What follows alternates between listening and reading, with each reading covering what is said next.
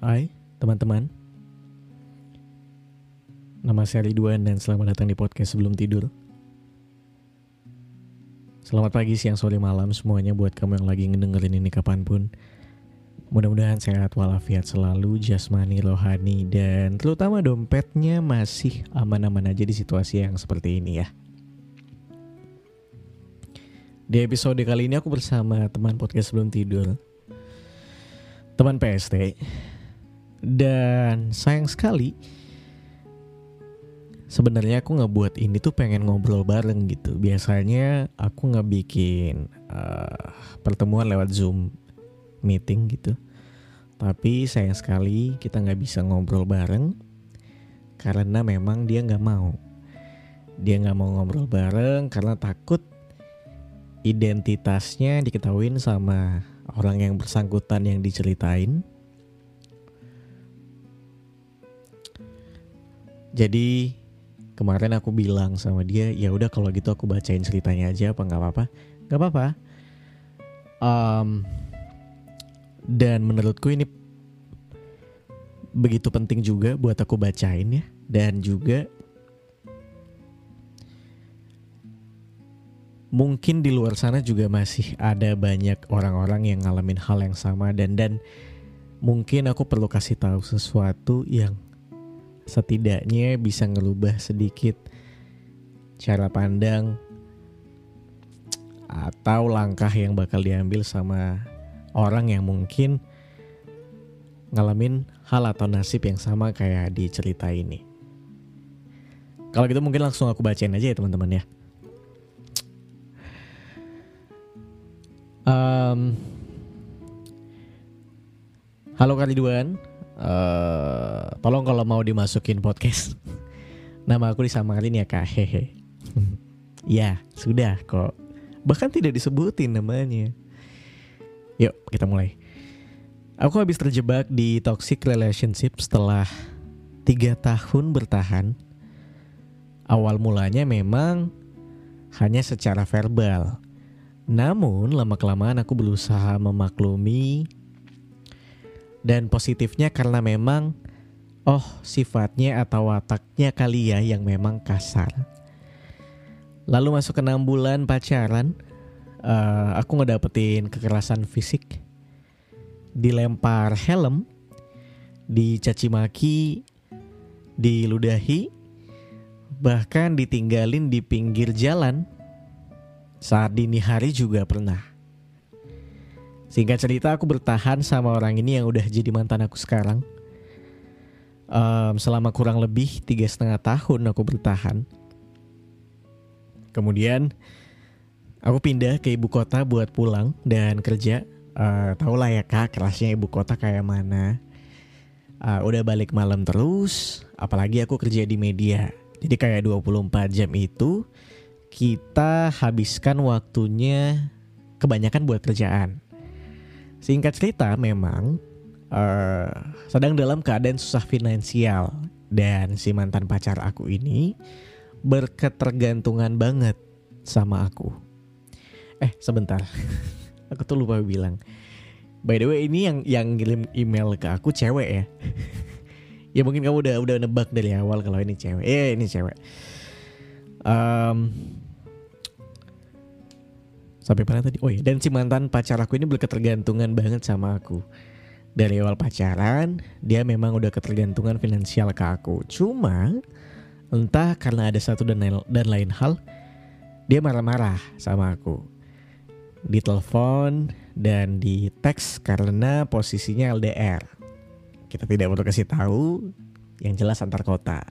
Tapi jaraknya lumayan jauh ya. Setelah aku bilang aku lagi susah keuangan, dia tiba-tiba berubah 180 derajat ke aku. Sifatnya jadi cuek dan jadi nggak peduli lagi sama aku.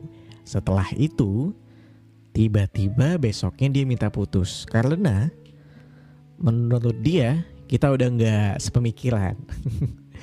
Kata dia begitu.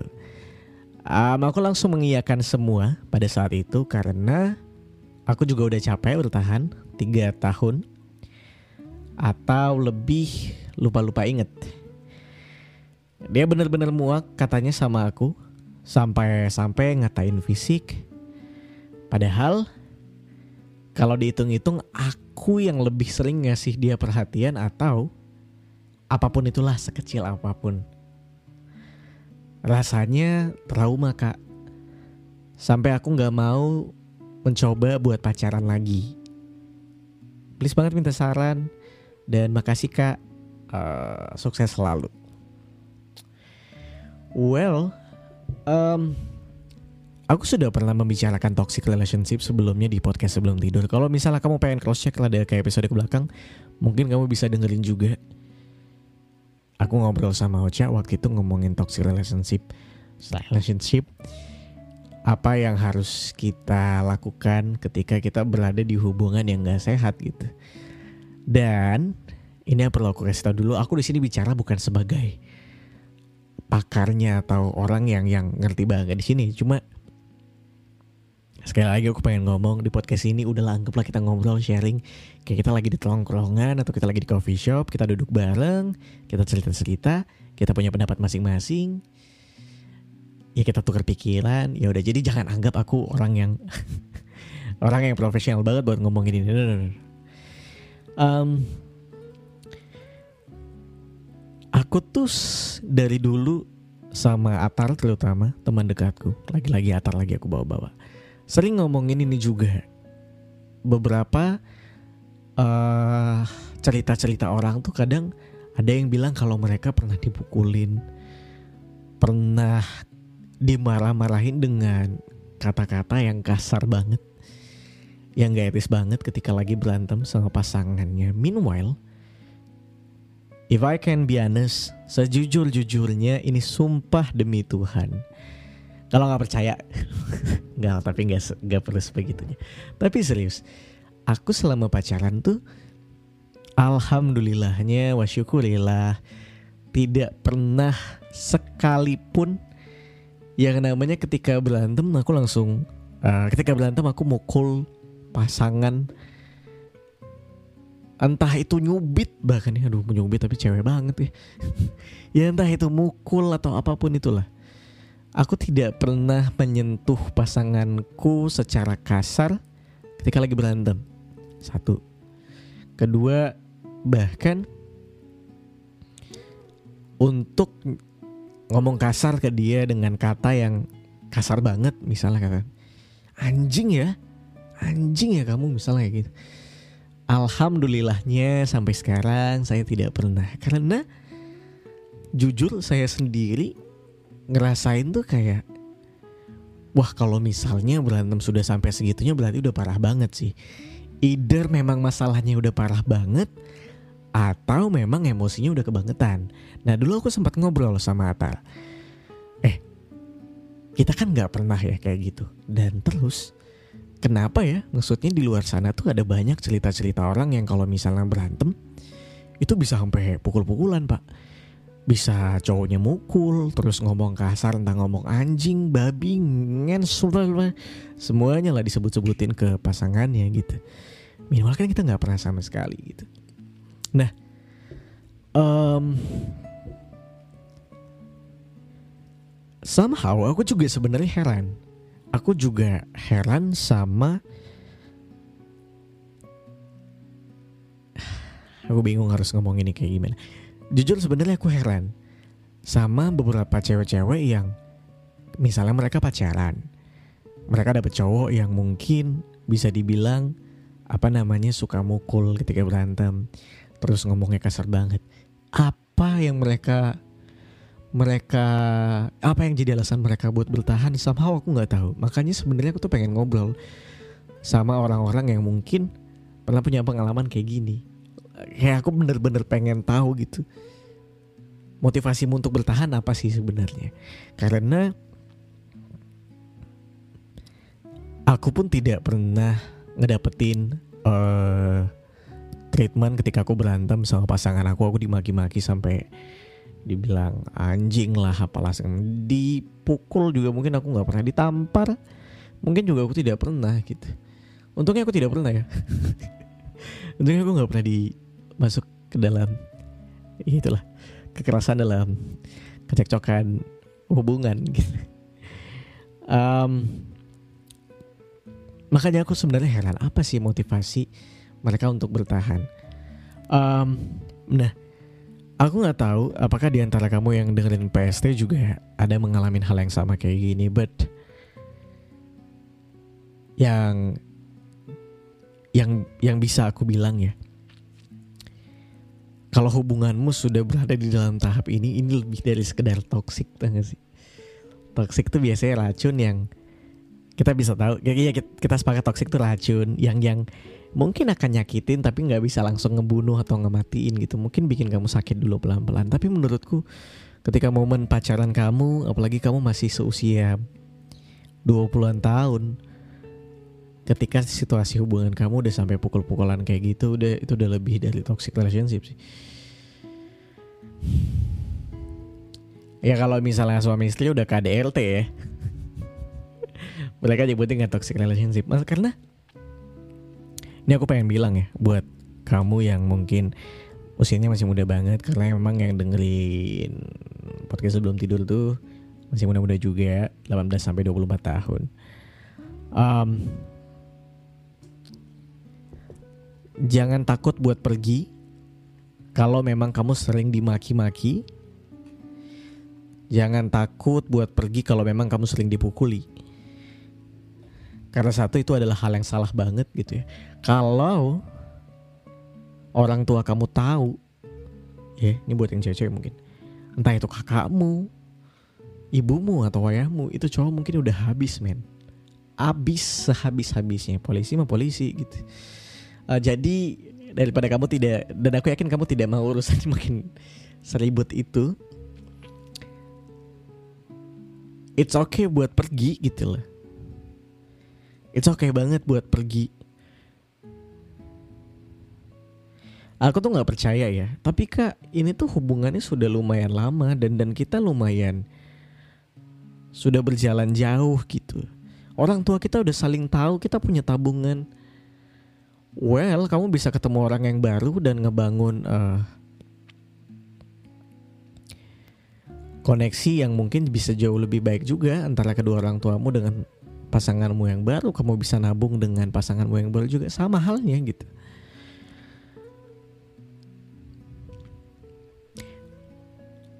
Menurutku kalau hubunganmu sudah sampai ke tahap dipukulin dimaki-maki jangan kah dipukulin dulu deh. Dimaki-maki dulu aja deh. Nggak ada alasan buat bertahan sih. Udahlah gitu apa ya yang namanya hubungan tuh sebaik-baiknya tuh dibuat untuk saling bahagia gitu. Kalaupun memang kadang ada waktunya kita nyakitin pasangan kita sebaik-baiknya tuh bukan masalah yang gede gitu. Ya mungkin karena misalnya kita lupa buat ngejemput dia karena kita ketiduran ya udahlah masalah-masalah sepele aja lah nanti kalau kamu sudah menikah sudah berkeluarga mungkin masalahnya kan jauh lebih ribet ya. Entah apa namanya masalah keuangan dan lain-lain. Tapi kemarin aku juga habis dengar uh, Raditya Dika dia apa namanya dia ngejawabin pertanyaan-pertanyaan anak SMA 25 anak SMA kalau nggak salah. Dia meeting lewat Zoom terus ada anak yang bertanya gini Radit kalau misalnya pengen nyenengin calon orang tua pacar kita eh maksudnya mau nyenengin orang tua pacar kita dulu tipsnya gimana sih? Uh, ya dia bilang kalau dulu mah tinggal dibeliin martabak udah kelar. Kalau sekarang aku nggak tahu bla bla bla. Effortnya sebagaimana tapi yang dia rasain adalah Radit tuh bilang gini yang yang ternyata aku baru mulai merasakan itu ya. Ternyata yang namanya hubungan waktu SMA semasa muda tuh banyak hal yang sia-sianya gitu karena kita lebih kepada maksudnya kita merasa hidup kita seutuhnya buat dia ya sama halnya gitu ketika kita merasa hidup kita udah sepenuhnya buat dia diri kita jadi milik dia seutuhnya terus kamu merasa ketika kamu di dipukuli, dimaki, apa pun itu hal yang tidak mengenakan, kamu merasa ya udah nggak apa-apa, mau gimana lagi? Aku mencoba untuk mengerti. Tapi nyatanya aku big no sih sama hal-hal kayak gitu. Karena kamu masih muda ngejalanin hubungan yang gak ada bikin kamu bahagia sama sekali di masa muda tuh adalah hal sia-sia yang mungkin nanti bakal kamu sesalin waktu tua gitu. Sayang banget ya waktu muda nggak aku pakai buat seneng-seneng. Bukannya aku ngelarang buat pacaran ya tapi it's okay buat meninggalkan pasangan. It's okay buat cari yang baru. Nggak ada yang salah. Kalau memang hubunganmu tidak sehat tuh nggak apa-apa. Nggak apa-apa banget. Ya itu tadi yang aku bilang. Jangan takut buat pergi. Kalau kalau kalau memang kalau memang udah dimaki, udah dipukuli, mungkin udah saatnya buat kamu pergi gitu. Satu hal, satu pesan buat aku tuh cuma ya udah pergi aja. Apalagi yang mau dipertahanin gitu. Kak, gimana kalau misalnya nanti uh, dia bisa berubah gitu? Nggak tahu ya, aku nggak percaya. Aku nggak begitu percaya sama hal-hal yang ketika dia udah terbiasa memaki ketika dia udah biasa memukuli terus dia berubah aku nggak begitu percaya orang bisa berubah secepat itu dan somehow kadang aku merasa kayaknya itu emang udah di dalam diri dia yang kalau misalnya mau dirubah butuh waktu yang lama banget. Lama banget mungkin. I don't know.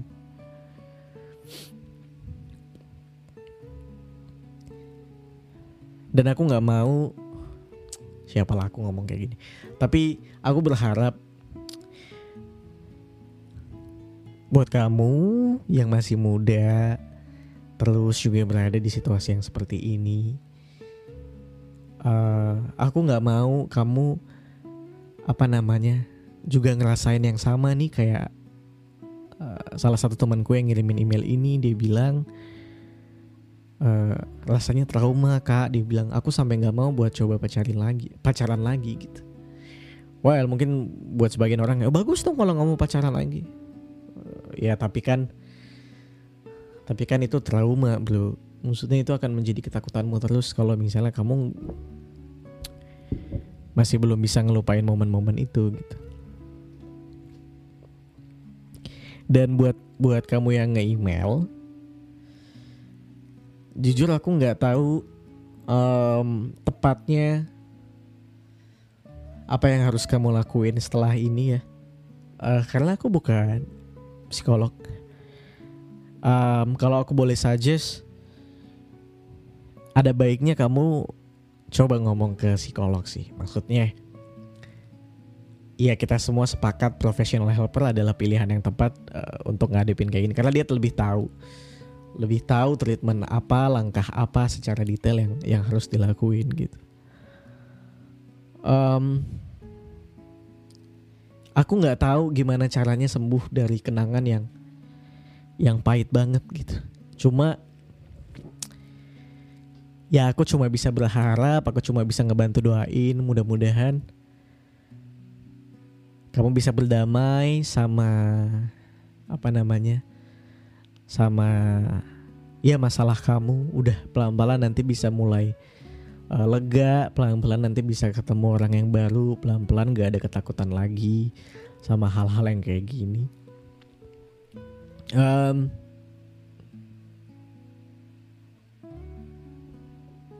ya karena menurutku ya kamu masih muda kamu pantas banget buat bahagia juga gitu loh Aku yakin di usia-usia kita segini sebenarnya ya teman-teman dibanding memikirkan hubungan yang tidak sehat, dibanding memikirkan percintaan yang kok kayaknya bikin hari-hari ruwet mulu, kok kayaknya bikin pikiran dan perasaan ruwet mulu. Ada banyak yang bisa kita lakuin um, di usia sekarang kayak gini. Nambah skill yang baru, coba ke coba apa namanya di cross check lagi apa sebenarnya yang pengen kamu buat hidup kamu sendiri gitu. Kamu tuh pengennya sebenarnya ngapain?